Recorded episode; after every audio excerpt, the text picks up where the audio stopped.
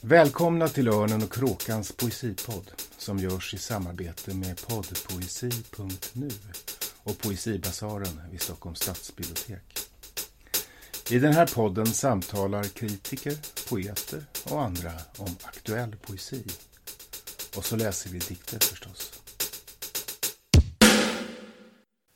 Välkomna hit allihopa. Jag ska rätta till min mikrofon. Jag heter Magnus William Olsson. Eh, och idag så är vi inte i Poesibasaren. Idag som är den 11 oktober. Eh, klockan är strax efter fem. Och vi sitter i Kulturhuset Väven i Umeå. Första gången som Örnen och Kråkans poesipodd spelas in här. Även om vi ibland har och några särskilt berömda poesitips härifrån. Som vi kanske ska återkomma till. Eh, ja, och vi har en publik här. Om jag ber alla liksom, deltagarna här i panelen att ricka fram sina mikrofoner och så säger jag Hej publiken! Ja, vad bra. Tack, där hörde vi att ni finns. Eh, jättekul att ni har kommit, verkligen.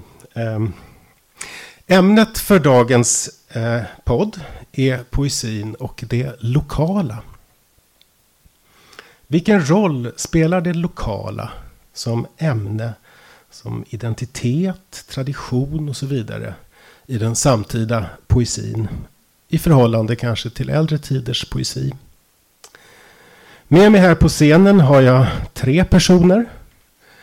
Eh, Jan Danielsson, bibliotekarie i grunden, men numera ägare och drivare av Mingus bok och skivbutik som ligger på Pilgatan i Umeå i direkt anslutning till en annan viktig, ett annat mycket viktigt kulturlokus här i stan, nämligen Bokcafé Pilgatan. Där litteraturen varje dag tar plats, tar lokal genom möten, samtal, författarprogram och uppläsningar.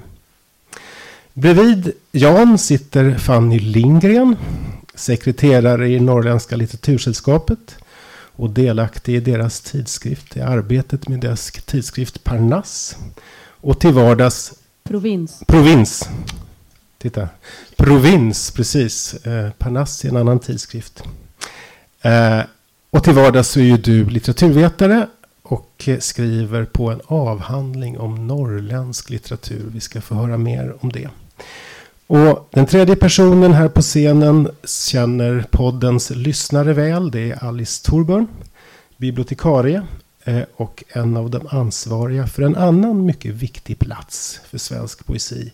Nämligen nämnda Poesibasaren vid Stockholms stadsbibliotek. Där man kan få överblick över hela den svenska poesiutgivningen. Och där poesi i alla dess former ges plats i otaliga program.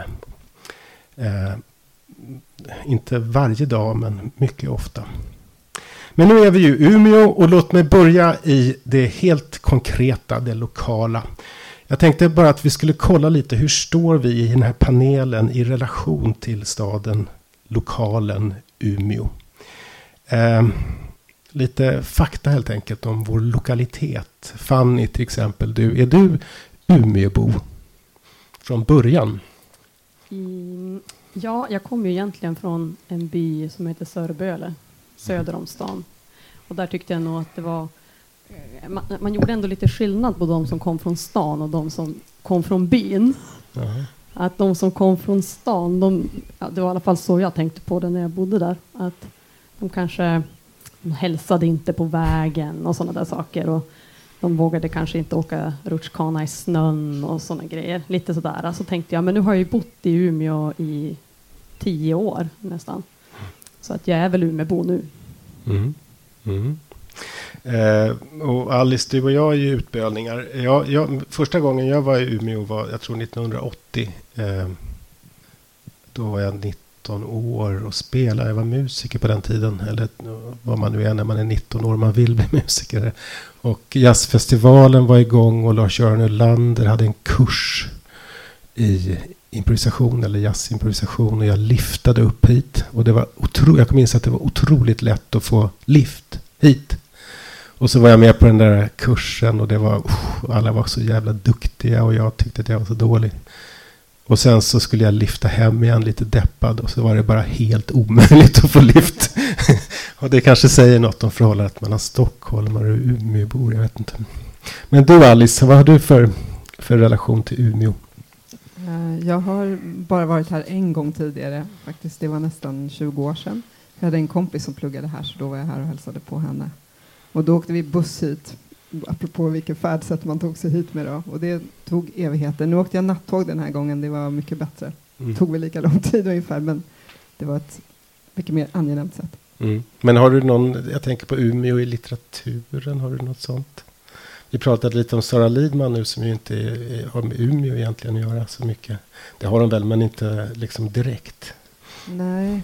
Um, bra fråga, jag kanske kan återkomma ja. om jag kom på något. Men Sara Lidman, det var roligt när man kom hit till centralstationen att det var massor med citat av Sara Lidman mm. längs med vägen när man gick in mot centrum. Det var jättefint, mm. tycker jag. Sen såg jag också ett väldigt fint citat av Sara Lidman i fönster till eh, Mingus bokaffär eh, som just, kanske ska se om jag kan hitta det, för jag tog ett foto på det faktiskt, eh, som jag tyckte passade in ganska bra på dagens mm. tema.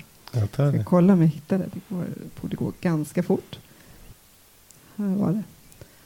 Att ha hört ett ställes språk före orden, dess sus och råmanden och brus och porlanden. Det finns en närvaro, en kännedom från födelseorten så oförneklig som den egna huden. Ja, det var vackert. Och det var kanske du Jan som hade satt upp det rent av. Och jag, menar, jag tänker du är, för mig så är det liksom Umeå. Det är omedelbart när man tänker på det. Men är du, är du född här? Är du? Nej, jag är som många andra eh, Umeåbor inflyttad. Jag kommer från Norrbotten. Så att, eh, men jag har bott här sedan 60, vad blir det, 68. Mm. Så att jag är väl Umeåbo nu. Mm. Mm. Jag tänker att när jag pratar med litterata och musikervänner här i, i Stockholm och börjar prata om Umeå. Då, då dröjer det sällan lång stund innan de säger Mingus. Eh, och helt enkelt syftar på din, din eh, bok och skivhandel. Det är väl, det, du har väl en ganska eh, stor och bre, utbredd, geografiskt utbredd publik? Jag hoppas det. Nej, men det är skämt åsido så det är mycket folk som kommer dit. Men eh, Ja, men som alla antikvariat och skibutiker idag så säljer man ju mest på nätet. Mm. Mer än hälften av försäljningen går till Tomelilla och eh, Jokkmokk och Malmö och sådana där andra ställen. Mm. Ja, um, vi ska alltså prata om uh, poesins förhållande till lokala i, uh, i vår tid uh, och i äldre tider. Och relationen till det lokala har ju väldigt starkt påverkats av det man brukar tala om som digitaliseringen. Eh, nya så att säga virtuella lokaler står vi ständigt i förbindelse med nu för tiden. Jag tänker på Skype till exempel. Jag skypar ganska mycket med eh, Latinamerika. Eh, vänner och kollegor i Latinamerika. Och då har man ju liksom, då öppnar sig ju, då blir ju Buenos Aires så att säga granne med ens rum. Eh, andra lokaliteter som man förhåller sig till är dataspelsvärldar som man befinner sig i till exempel. Eller, eller eh, förstås Google Earth som gör det möjligt att, att liksom kolla in platser på helt andra sidan jorden. och och förstås alla de här lokalerna som man hela tiden står i förbindelse med med sina skärmar när man sitter på bussen. Och, som flimrar förbi ens feeds och så. Den där nya platsigheten eller rumslighet eller lokaliteten har förstås betytt mycket för, för poesin också. Precis som för allt annat i tillvaron. Men jag tänkte att vi skulle börja lite i, i det historiska. Och jag jag tänker på en essä som poeten och kritikern Göran Prins Paulsson publicerade i början på 90-talet. Som het, jag tror den heter Platsens och satsens poesi. Och där lanserar han två begrepp som jag tycker är relevanta för den här diskussionen. Och det är, han skiljer mellan hembygdspoesi och turistpoesi. Och för att återknyta till Sara Lidman-citatet där så att hembygds Hembygdspoesin den är skriven utifrån en djup erfarenhet av en plats. Hur den luktar och känns och som man har levt med länge, länge. Och man känner alla skiftningarna i dagarna och alla eh, floran och faunan och eh, hur arkitekturen har förändrats och så vidare. Eh, det är den ena hembygdspoesin i prins Paulssons eh, dubbelbegrepp. Och det andra är då turistpoesin. Som eh, istället handlar om att man kommer med alldeles nya ögon till en ny plats. Det är ju en genre som har varit eh, väldigt eh, använd under, under eh, 1900-talet inte minst. Jag tänker på Thomas Tranströmers eh, resedikter till exempel som är en typisk turistpoesi. Och som också har en viss, eftersom när man kommer ny till en plats så är man enormt sensibel för alla tyda, alla tecken. Och en, en av den kanske mest paradigmatiska av sådana dikter eller litteraturformer är väl Linnés resor, till exempel Lappländska resan. Där han liksom tecknar upp och han är så otroligt intresserad av alla specier och sådär. Eh, och jag tänker på du Fanny som skriver om norrländsk litteratur. De där distinktionerna turistpoesi och, och, och, och hembygdspoesi. Det är någonting som, som du känner igen från ditt arbete med äldre litteratur. Ja, det tycker jag verkligen. Det var väldigt användbara begrepp tycker jag. Um, alltså jag kan ju egentligen svara utifrån spåret vildmarksromantik som är det som jag egentligen sysslar med som är en historisk genre i kontrast till eh, indignationslitteratur då och eh, industriromantik exempelvis. Men eh, det jag tänker är ganska tydligt, du tar upp Linné, alltså att det handl, jag tänker att det handlar lite grann om förskjutning i perspektiv det där, de där olika perspektiven, att man skulle kunna tänka dem som två ändar på ett spektrum kanske eller sådär. Att, eh, för att Norrland kanske i, som helhet har ju eh, länge beskrivits, historiskt beskrivits väldigt mycket utifrån. Alltså man går väldigt långt tillbaka. Tänker Olaus Magnus som ritade den här kartan Marina på 1500-talet och ju längre upp man kommer på den kartan desto mera märkliga djur kan man se exempelvis. Och eh, i södra Sverige så är det väldigt, ja, det är ingenting speciellt som händer på den kartan där. Eh, och så såklart Linné, mm. Lapplandsresa. Eh, och också Fredrika Bremer exempelvis som skrev en eh, berättelse som heter Midsommarresan, mm. eh, mitten på 1800-talet som är väldigt sådär, hon placerar egentligen ut um, salonger och, och, sånt där som är liksom där, i Skellefteå-trakten på 1800-talet. Och det var ju mm, precis, och att naturen är helande och sånt mm. där. Att man, men att då sen när att den här blicken ändå förskjuts lite grann när Eh, exempelvis Pelle Molin brukar beskrivas som någon slags litterär upptäckare av Norrland. Alltså och då ska vi säga Pelle Molin, det är vid slutet på 1800-talet. Ja, precis. Eh, det, ja, vad har vi Pelle Molin? Han är född 1860-talet va? 1864 tror jag. Ja, just det. Eh, och han och, dog då 1896. Och då efter hans död så kom Ådalens poesi, den bok, den enda bok han egentligen som publicerades av honom va? Ja, det har släppts annat. Eh, Brev och sånt ja. Ja, precis. Mm. Eh, men det är ju den, det var ju en, eh, som, det är en recensent som skriver att det var en svensk författare, Gustav af Geijerstam, som upptäckte Pelle Molin och sammanställde då Ådalens poesi. Mm, just det.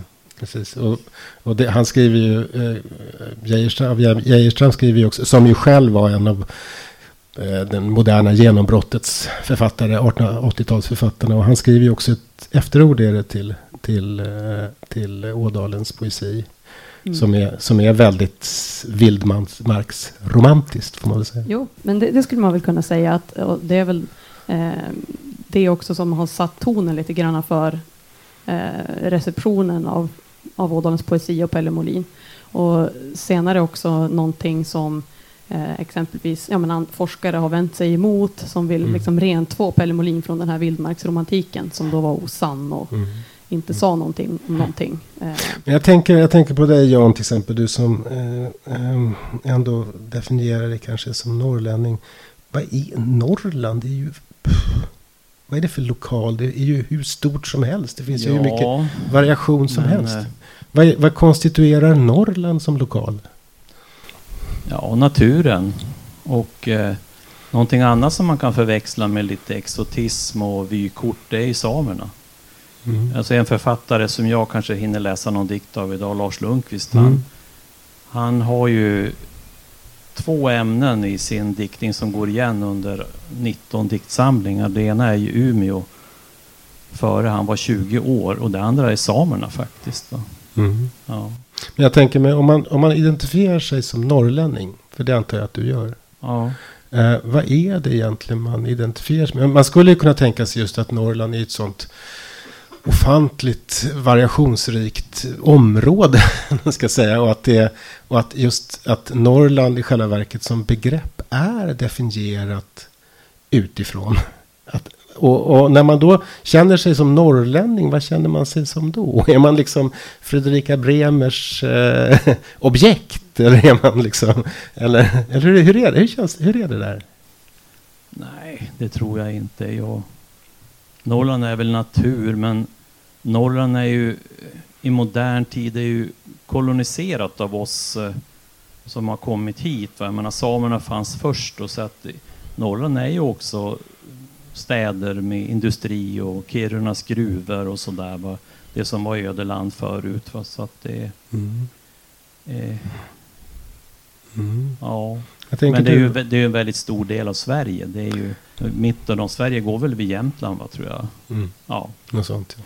Vi, jag pratade i ett annat sammanhang nyligen om det nordliga i litteraturen. Då var det inte specifikt poesi, men alltså bilder av det nordliga som snö och kyla och ensamhet kanske och natur. Just att man har många konnotationer eller associationer till, Mm. till vad som är nordligt. Men också att det är verkligen ett perspektiv att om man är här i Umeå så finns det väl andra, man tänker på norr som någonting helt annat men i Stockholm kanske Umeå är väldigt nordligt. Och befinner man sig i, längre ner i, i Mm. Europa, eh, som Italien eller någonting, då är ju hela Sverige Mm. norrut. Liksom. Det är Norden liksom. Men eh, Norrland är stort. Alltså det, eh, jag vet en hel del som, människor som jag träffar som har kommit hit på besök och någon sen kommer från England eller Tyskland eller från södra Sverige. Va, så tycker de att våra älvar är stora. Och en nya zeeländare han sa Oj, det här, det här är verkligen en river, sa han. Alltså, det, är- det är inte någon bäck. Va? Och när vi gick i skolan då fick vi ju lära oss de här eh, små bäckarna som eh, fanns nere i, i eh, i- kring Borås och så här, Ätran och Viskan och allt vad det nu hette. Och, och sen när man såg dem i, själva, i verkligheten, då var de väldigt små. Va? Så att naturen är stor här. Mm.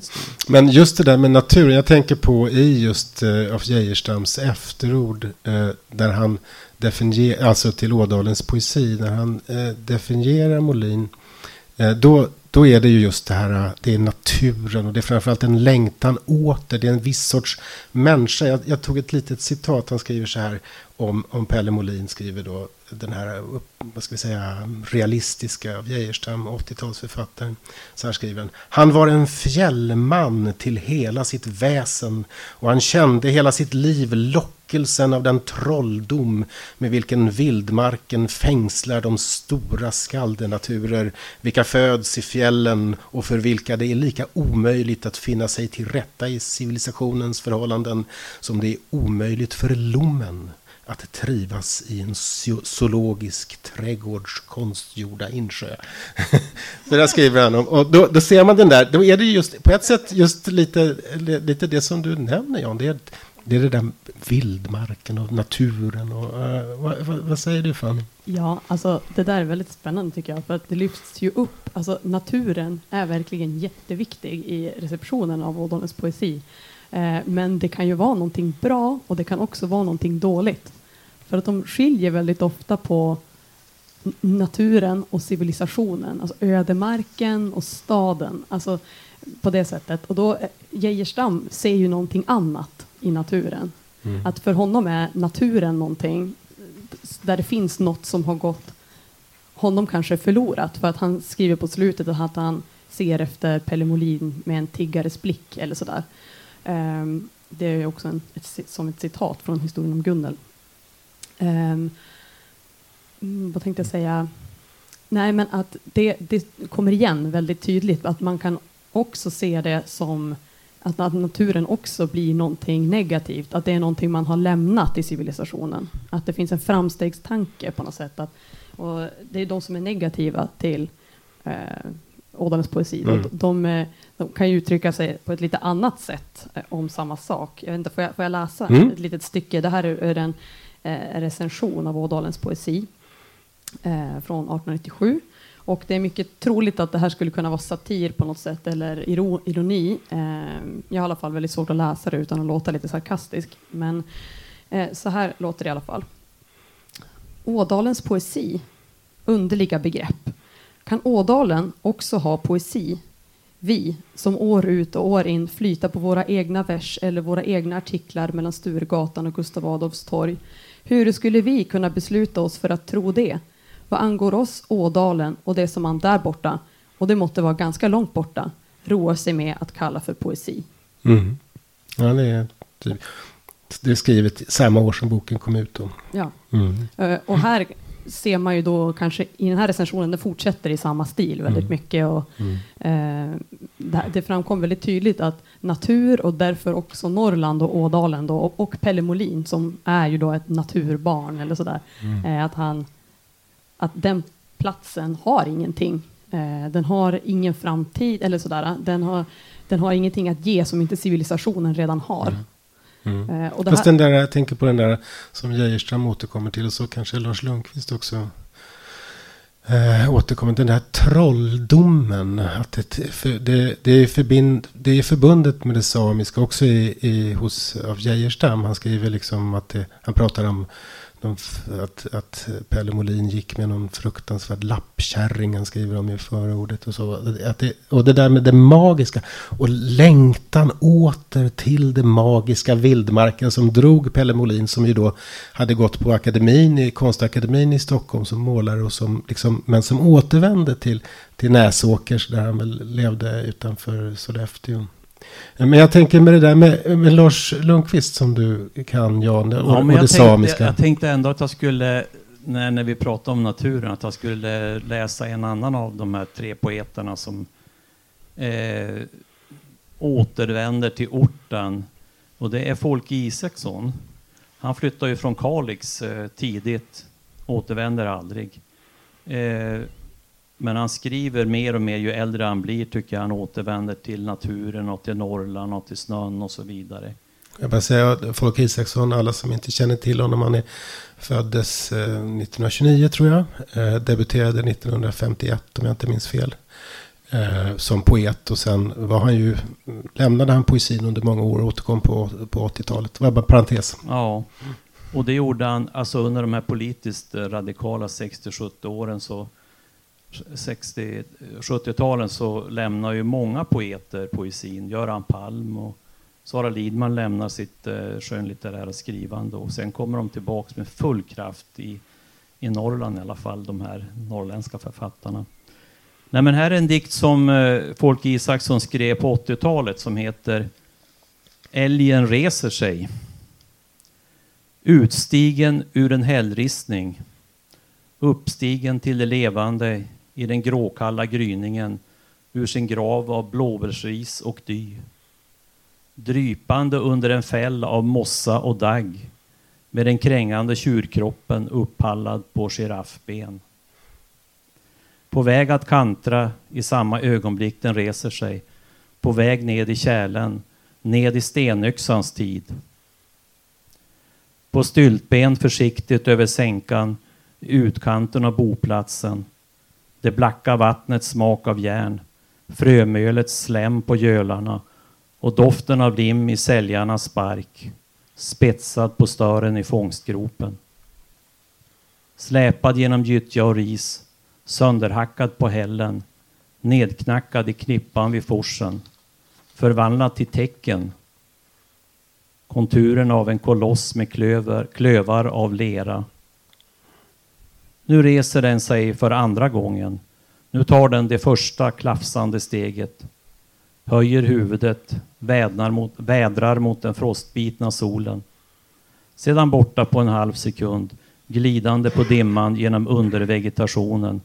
Bara den sträva vittringen kvar bland de tigande granarna. Och här har vi ju hällristningarna och Näsåker finns ju med här. Mm, det är ju alltså Sveriges näst största eh, hällristningsområde. Mm. Det är väl bara Tanum som jag tror är större. Mm. mm.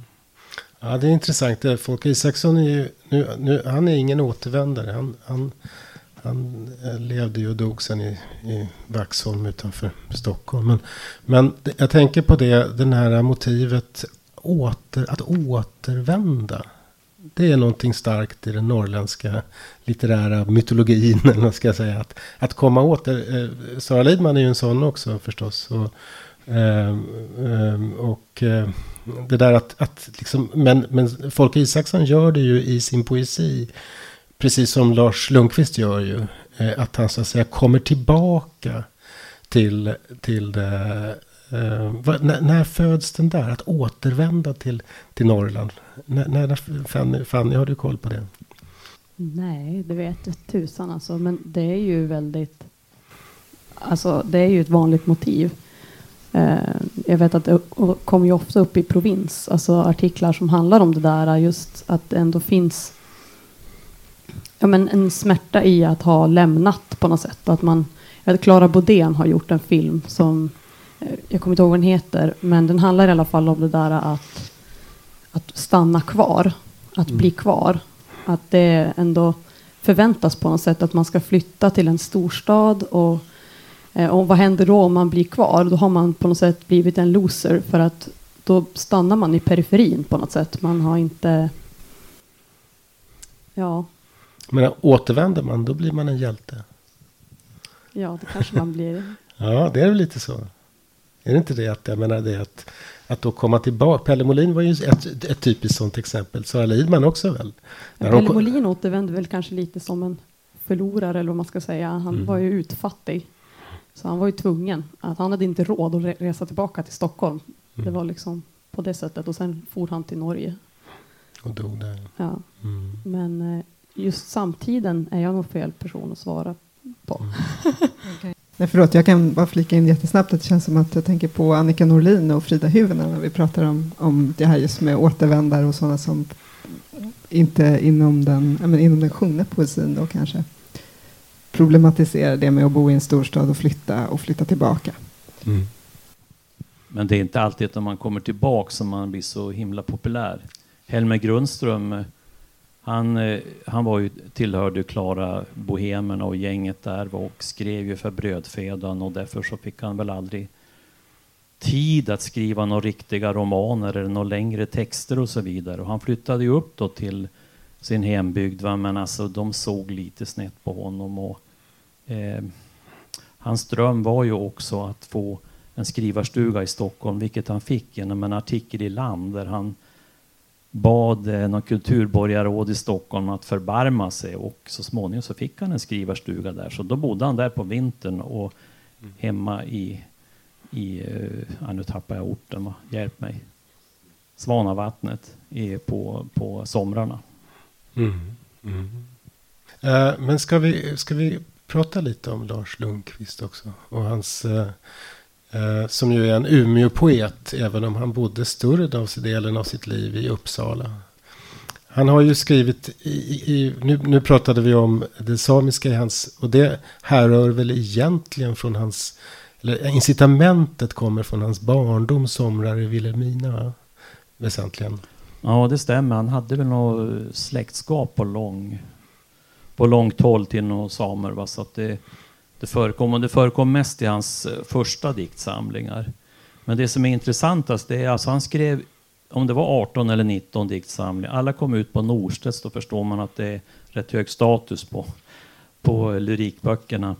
Eh, han blev aldrig refuserad, aldrig nobbad. Va? Eh, och i nästan varenda diktsamling så finns det med en, eh, en, eh, någon dikt som anknyter till Umeå. Och det är, det ett speciellt Umeå. Alltså det är ju öst på stan, ett litet område. Där kring Bokcaféet och Mingus. Eh, på Skolgatan 120 där han eh, växte upp. Och det är tiden före han far till Uppsala och då var han 19 år alltså. Mm. Så det, det är det som skildras eh, i, i hans dikter. Ja. Och det kan man ju säga, de, de, Lars Lundqvist för alla som inte vet, han debuterade också 1950. Eh, och gav ut väl bara två böcker under två diktsamlingar under, under 50-talet och en tredje 61 om jag inte minns fel. Eh, men han hade de här, och de här Umeå-dikterna är ju samlade i en, i en, som han har i alla sina böcker, samlade i en, i en bok som heter Tavlor från Umeå, lokala dikter 1960 till 2000, 2008. Men jag tänker att det finns någonting hos Lars Lundqvist. Du ska få läsa en dikt, ja. Jan, tänkte jag. Eh, vilka, eh, jag vill bara säga det först, som, som har att göra med han är ju, om man ska återvända till Göran Prins Paulssons dikotomi där mellan hembygds och, och turistpoesi så är hans dikter väldigt tydligt hembygdspoesi. Men han skriver om från Uppsala som ett minnesarbete närmast. Intressant. En slags utgrävning av en plats inom sig. Så uppfattar jag det att han gör. Att det, det är en slags, för litteraturen är ju också eh, litteraturens plats förhåller sig ju inte bara till verklighetens platser utan det är också en platsighet i det litterära som kommer fram i, också i, i sådana litterära litteraturkritiska begrepp som topos och, och locus just i något sånt där. Men låt oss höra på, på en dikt av eh, ja, Jag ska läsa två, sen ska ni andra få prata för nu börjar jag känna att jag tar lite väl mycket plats. Den ena heter I trädgården. I trädgården hänger nytvättade lakan och skjortor och lyser i solen. Från brädgården kommer lukten av ramsågat timmer och det doftar av rosor, liljor och mynta. Skatornas bo, en fingerborg i aspen. Under ett rönnbärsträd sitter en kvinna och läser vigselannonser i sin tidning. Klockan är sju på morgonen. På älven tutar en båt. Inte långt härifrån kastas små barn in i en cementblandare.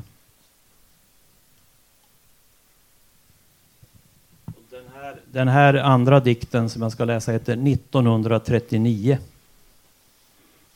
Älven rev den 27 april det året. Farmor dog och sjukstugan brann. En sotare föll från farstutaket. Jag minns att han skrek Lus i den röda fanans väck. Vi hängde sillburkar och skal i en tråd, små doser och tvättpaket och en hök av plåt. Sedan sköt vi med pilar i djup snö. Laino hade en ollonpistol som var borrad och tung som en sten. En dag sköt han ögat av Jerker. Det var krig i Finland och kallt. Ambulanserna körde om natten med släckta ljus över Kvarken och flyktingarna låg i gymnastiksalen. Kvinnor och barn i gråa chaletter. På Nytorget dansade skridskoprinsessan i röken från facklor. Jag satt i en björk och såg hennes lår. Mm. Det är mycket det är typiskt för, för den här hembygd som man ska återvända till dikotomin. Det är ju att den är eh, djupt sinnligt förankrad. Och det är ju hans de här dikterna. Han tar upp lukten, hur det luktar och man får en känsla hur det känns hela tiden. En slags väldigt taktil erfarenhet på något sätt. Eller hur? Så är det. Mm. Mm. Ja. Du, du ser ut som du vill säga någonting Fanny. Eh, ja, kanske det. Nej, men jag tycker att eh, jag har en liten text här av Alfhild Agrell som jag skulle vilja ställa bredvid där, just det du pratar om, den här dikotomin. Ja, får vi bara säga någonting om Alfhild Agrell som inte, ännu en av den moderna genombrottets författare, 1880-talsförfattare, eh, som ju eh, var god vän med Ellen Key och Victoria Benediktsson. Så.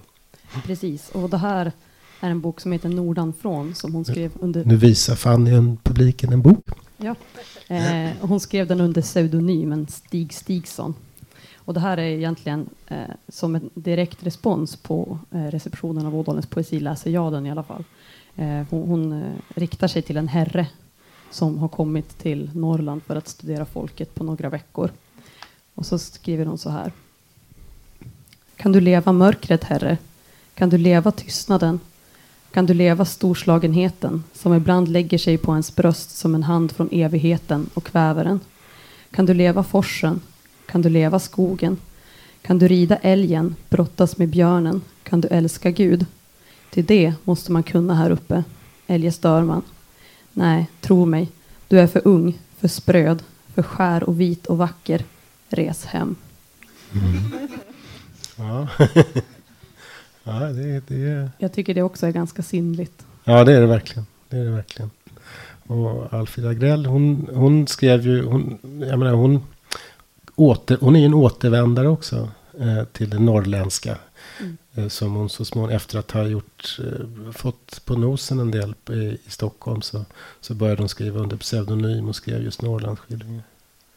Ehm, ja, ja, det där är intressant. Det där med, men jag tänker på hur, hur platsen tar plats i litteraturen.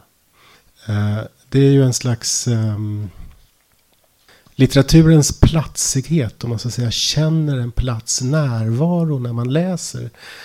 De flesta platser som man läser om i litteraturen, de har man ju aldrig varit på. Så att säga. Även, och även om man aldrig har varit på den platsen så kan man ändå känna då till exempel hos de här hembygdspoeterna till exempel en närvaro till platsen som stiger just ur en sinnlig erfarenhet eller någonting sånt. Eh, men jag tänker på, jag, jag, vet Alice att du tog med dig en dikt av Katarina Frostenson. Ja. Eh, som just, eh, han, Katarina Frostenson är ju, skriver ju enormt mycket om plats. Och då är det helt andra platser än norrländska platser väsentligen. Men hon, för henne är det väldigt tydligt att platsen tar plats i själva språkarbetet på ett intressant sätt. Ja, eh, får jag flika in, jag, nu när vi pratar om just det här med sinnlighet och plats och så, så om jag skulle kunna läsa lite också ur en annan poet eh, som inte är svensk, som heter Asta Olivia Nordenhof. Eh, för jag tycker just att i hennes poesi så finns verkligen det här med att man kan älska en plats så mycket och att den sinnligheten finns med. Så kan vi kanske ta Katarina Frostenson mm. sen. Ska vi säga någonting om Asta Olivia också som är en dansk poet. Hon har gett ut tror jag tre eller fyra eh, diktsamlingar. Född kanske 1985. Mm. Precis, och det här är också översatt av Tom V.O. Silkeberg. Kan vi också säga. Det här är ett utdrag ur en dikt som finns i hennes eh, samling Det enkla och det ensamma. Um, nu vet jag inte längre om jag fick möjlighet att uppleva min död som om den i parallelltid redan inträffat. Det är inte säkert. Så senare. Vi plockade vilda plommon och mirabeller på yttre Amar. I solnedgången och tunnelbanan drev med sitt ljus som ett strängt, som ett underligt ilsket samhälle fram och tillbaka över himlen. Ingen i Fields, ingen på Kentucky Fried Chicken Två människor framför ett radhus, satt under filtar, talade med varandra. Jag är väldigt trött nu. Jag är också väldigt trött. Varför är benen inte skörare? Röda, röda sol. Du så skön, du så oberörd. Om jag kastar ett plommon i ditt namn och Amar så ömt att du gav mig ett plommon att kasta. Måste skriva till Mårten, måste skriva till Björn. Jorden är öm och jag inte nog att fatta det. Så den här platsen som är Amar. Mm. Och de här mm. plommonen som finns där och mirabellerna. Jag tycker det är så otroligt, mm. alltså sån stark känsla som finns för det. Att det är en slags hembygdsromantik i detta också. Fast det är en väldigt, eh, en, en stad helt enkelt. Mm. Mm. En helt annan typ av plats än mm. den norrländska naturen. Det är ju, man tänker sig att eh, när man, när man mm, skriver om, folk som har skrivit om förhållande mellan litteratur och plats och för, för poeter och platser. Då brukar man ju ofta tänka sig att eh, nostalgin är en förutsättning. Det vill säga att man, att man skriver om en hembygd som är förlorad för en. Det är ju ett, det är ett vanligt tema, inte minst i den antika litteraturen. Ovidius till exempel, eh, när han sitter vid Svarta havet och skriver om Rom. Eh, den där känslan av att man är, man är, man får inte, man är förvisad. Och lite grann i Lars Lundqvist kanske det är också att man skriver om ett, en plats som är där. Där borta. någon annanstans på något sätt. Men man kan också skriva om en plats som är här. Och då är här när man läser, det är ju, det är ju här där man sitter. Och det är ju här där man vilar blicken. Det är ju här i texten så att säga. Och det, det, det, är ju, det, det tänker jag på. Det, det tar Katarina Frostenson upp i den här dikten. Kan du inte läsa den Alice? Jo, den är ju ganska lång så det blir också ett utdrag. Eh, lite klippt från början och mitten och slutet. Eh, den heter ju I ett härad. Så det är som du säger, hon håller på mycket med orden. Så att det här, här och härad, ni kommer höra att det är andra eh, vändningar på ord också. Ehm, den börjar så här. Då. Vad heter här? Frågan är över vägen, den svävar. Jag vet var jag är, men vad heter det? Det här är ett härad, svarar tanken, sveper om hörnet. Sveavägen, vad rak du är, borde älska dig linje från rundel till rundel. Om du bar bårder och kransar kantades av andra ord kunde vi rida fram på hästar i natten gatans tysta här i ett härad. Och så sitter hon där i dagens flod med sitt redan krackelerade vindbitna ansikte, ser rakt ut i dagen. Utan att säga något, en tå lik en rot skjuter fram under follen. Jag böjer mig ner med ett mynt och förlorar balansen. Ett korstecken, leenden går om varandra. Jag sätter gränsen för vad jag ger var dag, vad de andra och vilken av dem är värd. Att inte höra hemma och ändå bli kvar här är tillvaron. Den bruna kupolen nedanför branten lugnar en stund, vilar blicken. Vid åsynen av stadsbibliotekets form öppnar sig tiden. Den underbara rundeln mot himlen, pilträden, kullen och skytten himlavalvet ovan, öppenheten. Mor i mörk page, i mockajacka springer in i porten, upp mot en famn. Det snabba leendet skapar ljusreflexer längs gatan, värens sol långt borta vid vägen.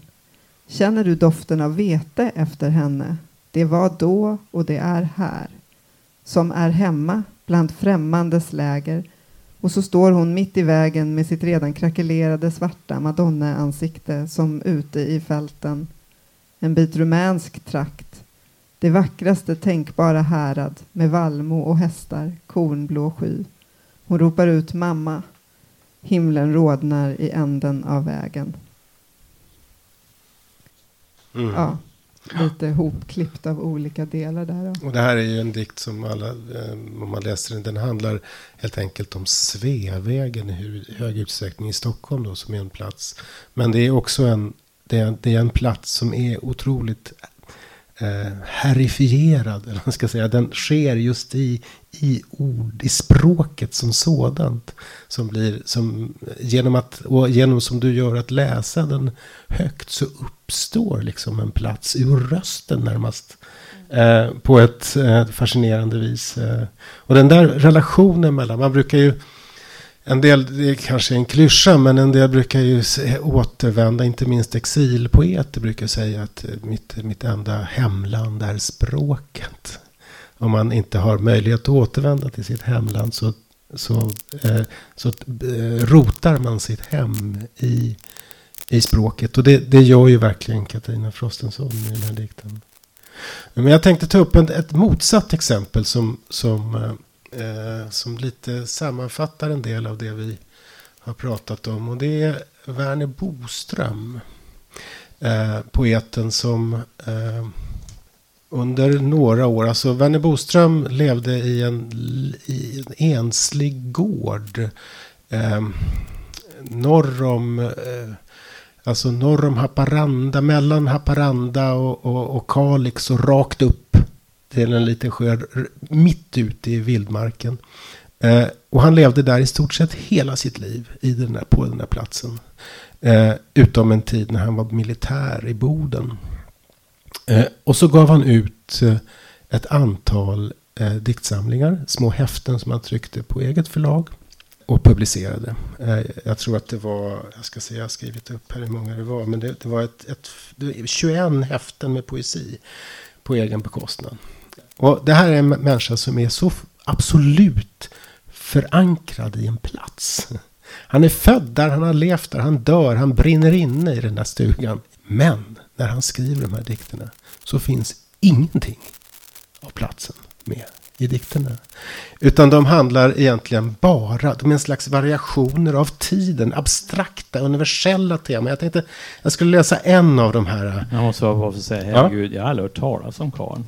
Nej, vad intressant. Det är, det är ju en, eh, en hemvändare som har samlat de här 21 eh, dikterna, nämligen David Wikgren, en annan poet. David Wikgren som flyttade hem från Göteborg upp till, till Kalix tror jag först.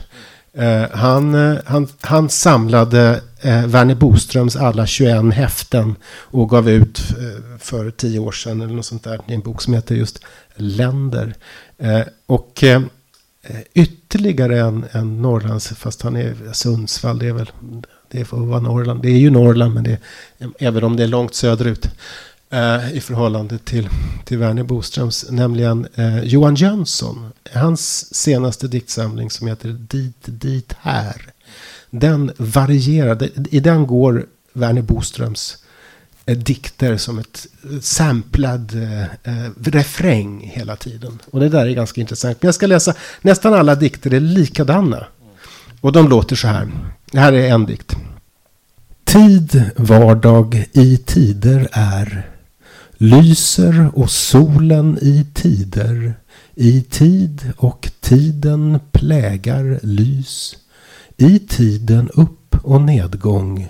Lyser solen i tiden tid och i tiden månget lyst. Och tid och tiden tider, lyster och åren i tiden, i tid och tid lyster tiden, i tider stjärnorna lyser, i tider och måne lyser och tid och solen lyser i tid, evighetens lystid och i tider och temperatur i tid klockan och är tiden. Eh, och så där går de, eh, alla 21 häftena om, varierar detta, detta tema. Och det fascinerande tänker jag i förhållande till vårt ämne om Lokus, det är att som sagt var att denna människa bodde i en enslig stuga precis hela sitt liv. Och det han skriver om är så abstrakt och universellt och, och har så lite plats i sig. Eh, eh och det, det är intressant. Ja, jag måste säga att jag kollade i den där tidigare i veckan och när jag läste dem där, det blev en väldigt rytm tyckte jag. Alltså jag, jag associerade till dagar som går.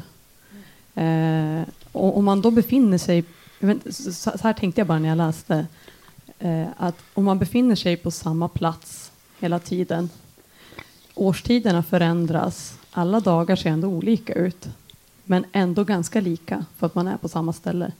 Och lite så tänker jag att de där dikterna är, alltså att platsen kanske ändå finns där. Jag vet inte.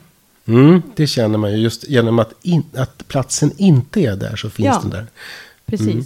Men det, på något sätt den här upprepningen som är samma fast inte samma. Mm. Eh, det tyckte jag.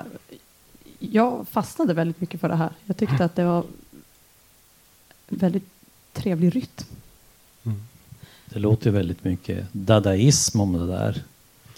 Så att då, ja. Ja, det kan man säga. Det, det, finns, det finns ju något helt eh, maniskt och fantastiskt. Och, men, men jag tycker att det är intressant det där att, tid, att platsen kommer in som frånvaro av plats nästan i, i, i dikterna. Och det har väl kanske någonting att göra med loka, det lokala och poesin. Och kanske också med Lars Lundqvist och, och Folke Isakssons och, och, andras exempel här. Eh, det där att, att man skri, när man skriver om en plats så har man den inte in på sig. Det är när man inte har platsen man inte befinner sig på platsen som man skriver om den. Men om man väl befinner sig på själva platsen, då skriver man inte om platsen. Utan då skriver man om någonting annat. Och man är så monoton i sitt levande som, som Werner Boström var. Ja. Alltså även om man då skriver om en plats så skriver man ju då inte om den platsen man befinner sig på. Alltså då, det du säger. Precis. Eh, ja. Mm. Ja, det var så jag tänkte. Eh, Det är en... Mm. Mm. Eh, jag tänkte jag skulle bara nämna i alla fall eh, eh, en författare som jag hade tänkt läsa ett par dikter av. Men jag tror inte jag hinner det. Men eh, då kanske jag får nämna en författare som få här inne har hört. För Boström hade ju inte jag hört. Men Rönn och Siber, hur många har hört henne hand, eh, hand, hand upp? En, två, tre, ja. Eh, och det är väl kanske för att ni är Umeåbor. Nej men eh, Rönn Siber, apropå plats. Alltså hon är ju, är ju uppvuxen här i Umeå. Hon eh, föddes 1927 och dog 2007. Jag hade nöjet att träffa hennes man Steve som lever fortfarande. Eh, amerikan, 91 år. Väldigt eh, pigg och sådär. I alla fall, hon flyttade ju från Umeå via Uppsala till eh, New York, Chicago, Atlanta. Och Atlanta, där stannade de. Och kom aldrig tillbaks. Men eh, i den här eh, boken som har kommit ut nu för två veckor sedan med två romaner av henne som aldrig varit publicerade plus lite dikter som aldrig kom ut. Då skriver eh, Gunnar Balgård som har sammanställt boken i i, citerar ett brev av Rönnog Siber och säger hon att det finns två städer i mitt liv som ja, betyder någonting. Det är Umeå och New York. Och de är jämförbara alltså. Och eh, man kanske också ska tillägga att hon är ju en, kanske en av de stora svenska författarna tillsammans med en annan okänd norrbottning, Siv Sedering. Alltså det är två författare som är vad ska jag säga, stora inom bit, eh, bitspråket. Va? Siv Sedering samarbetar ju nära med Allen Ginsberg. Och, eh, ja, eh, det är jätteintressant. Hon återvände ju till Umeå några gånger i slutet av sitt liv, men annars så levde hon ju där nere och skrev ju sju eller åtta romaner som kom ut i Sverige på Rabén och Sjögren och på eh, författarförlaget. Sen tappade hon liksom författ eller förlagskontakten så hon fick inte ut böcker på slutet. Va? Men hon översatte ju också en hel del svensk poesi till engelska. Ja, just det. Och eh, hennes dikter, en, en, en samling tror jag kom i den gamla Köckelbergs gamla Tuppen på berget-serie på svenska. Och det undrar jag men inte var översättningar från engelska till svenska av hennes dikter. Då. Ja, men det, det där är, det är verkligen, det tillhör platsens är rikedom. Att, den, att människor från platsen för den med sig till helt andra ställen. På ett fascinerande sätt. Jag måste få, få berätta en, en grej Steve berättade när han var här i Umeå. Att eh, i slutet av eh, sitt liv då började de med någonting de kallar för akrobatpoesi. De alltså intog olika akrobatiska ställningar och så skrev de små korta dikter, nästan lite haiku-liknande. Och eh, turnerade i USA, så småningom kom de till Europa också. De var, även här i Umeå gjorde ett framträdande. Ehm, och sen när de kom till Stockholm och på, var på någon tunnelbana där och gjorde ett framträdande, ja, då kom ju polis alla möjliga. Men då hade de med sig en fotograf, någon känd kvinn, kvinnlig fotograf som när polisen skulle ingripa och kasta ut dem därifrån för att det fick de inte göra, då sa han stopp, det är en reklamfotografering. Då gick det jättebra. det, är underbart. De där, eh, alltså, eh, om, man, om någon, om någon performancekonstnär eller cirkusartist eller så som håller på med reenactment eh, hör det här. Åk till Umeå universitetsbibliotek och ta reda. Där finns nämligen de här akrobatdikterna. Också beskrivning av akrobatnumren. Jag lovar att det skulle bli en supersuccé om de satte upp dem igen. Någon riktig akrobat framförde dem igen. Det skulle jag verkligen. Så att är det någon som hör det här så, så gör det. Jo, det är ett jättestort antal dikter de har skrivit. Alltså. Och de är, dessutom är de skrivna på små enkla papper så att man ska kunna ha dem i handen också när man gör de här akrobatövningarna. Och det, ja, Ja, det är jättespännande. Det finns några på YouTube som jag kan titta på. Det vill jag verkligen rekommendera. Men kära vänner, tiden, tiden rinner och vår, eh, timmen har gått. Tiden för att prata om Verner Boström-tiden eh, lyser och lyster och försvinner. Eh, vi ska sluta här idag. Jag vill tacka alla som... Tack Umeå stadsbibliotek och Väven och tack Jan och Fanny och Alice. Och tack publiken för att ni kom. Eh, och jag ska avsluta med att spela en, upp, en dikt av en poet som debuterade nu i eh, eh, våras. Och det är en... Och det, det, är intressant lite, nu hann vi inte komma in på det, men jag skulle gärna prata vidare om det. Vi får göra det sen på, när vi går ut och, och, och dricker öl. Ehm, eh, det här handlar om, om det samiska. Eh, och det finns någon skillnad från Lars Lundqvist på, på... Titta, nu hör ni, nu börjar jag prata norrländska. Lars Lundqvist. Jag brukar ju säga Lars Lundqvist. Men eh, platsen invaderar mig. Men eh, eh, hans förhållande till det samiska handlar inte minst om det magiska och det mytologiska. Men när Linnea Axelsson gav, i våras gav ut sitt stora epos om, om det samiska som heter Ednan. Eh, som kom ja, i våras då och som är 750 sidors poesi eh, epik. Det är egentligen berättelser om två sam, samiska familjer under 1900-talet i poetisk kortform. En slags, om man kunde, om det kunde, om genren fanns så skulle det kallas för ett lyriskt epos. Kanske. Men hennes perspektiv på, på det samiska är då väldigt annorlunda. Där finns inte det mytologiska utan där är det socialhistoria, där är det helt enkelt eh, den samiska identiteten och den samiska folkets öden och levnadsförhållanden under 1900-talet. det där är en ganska intressant eh, förskjutning. Och jag, jag, ska, jag ska spela upp en, en dikt från poddpoesi, då, poddpoesi.nu, där, där Linnea läser ur den här boken. Och eh, det är en dikt som, som heter Piteå hospital och asyl 1964. Och då kan man tänka sig att 1964 så var, skulle det dröja 16 år innan Linnea Axelsson föddes. Och Piteå, mentalsjukhuset i Piteå stängde igen långt innan hon var född. Och ändå kan hon skriva om den här platsen. Eh, så att den ja, det är inte ens turistpoesi. Jag vet inte om hon har varit där ens, det har de väl antagligen. Men, men det, är ändå, men det är ändå så att den här platsen tar plats i, i hennes dikt. Och det säger någonting om vad poesi och, och plats eventuellt är. Och så här låter hon. Havet finns. Det andades bortom korridorerna, trapphusen. En gång bar paradisäppelträden frukt och de stora lindarna på borggården knoppades. En ensam sköterska går genom sjukhuset. Hon passerar kapellet. I matsalen dröjer ännu doften av dill. De hade badat. Hon hade suttit vid badkaret och länge gnidit hans verkande axlar. Hon kramar sina händer och ler för sig själv. De hade övat att prata. Han hade lärt sig att säga sitt namn, Nils.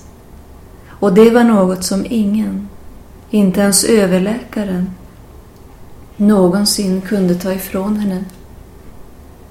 Ute i parken regnade häggens frön över grusgångarna. Havsfåglarna skrek. Vågorna vände och la sig på nytt om varandra. Tack ska ni ha.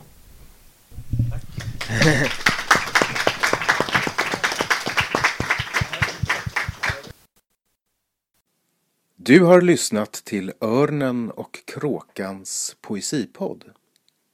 Läs mycket mer om aktuell poesi på ornenochkrakan.se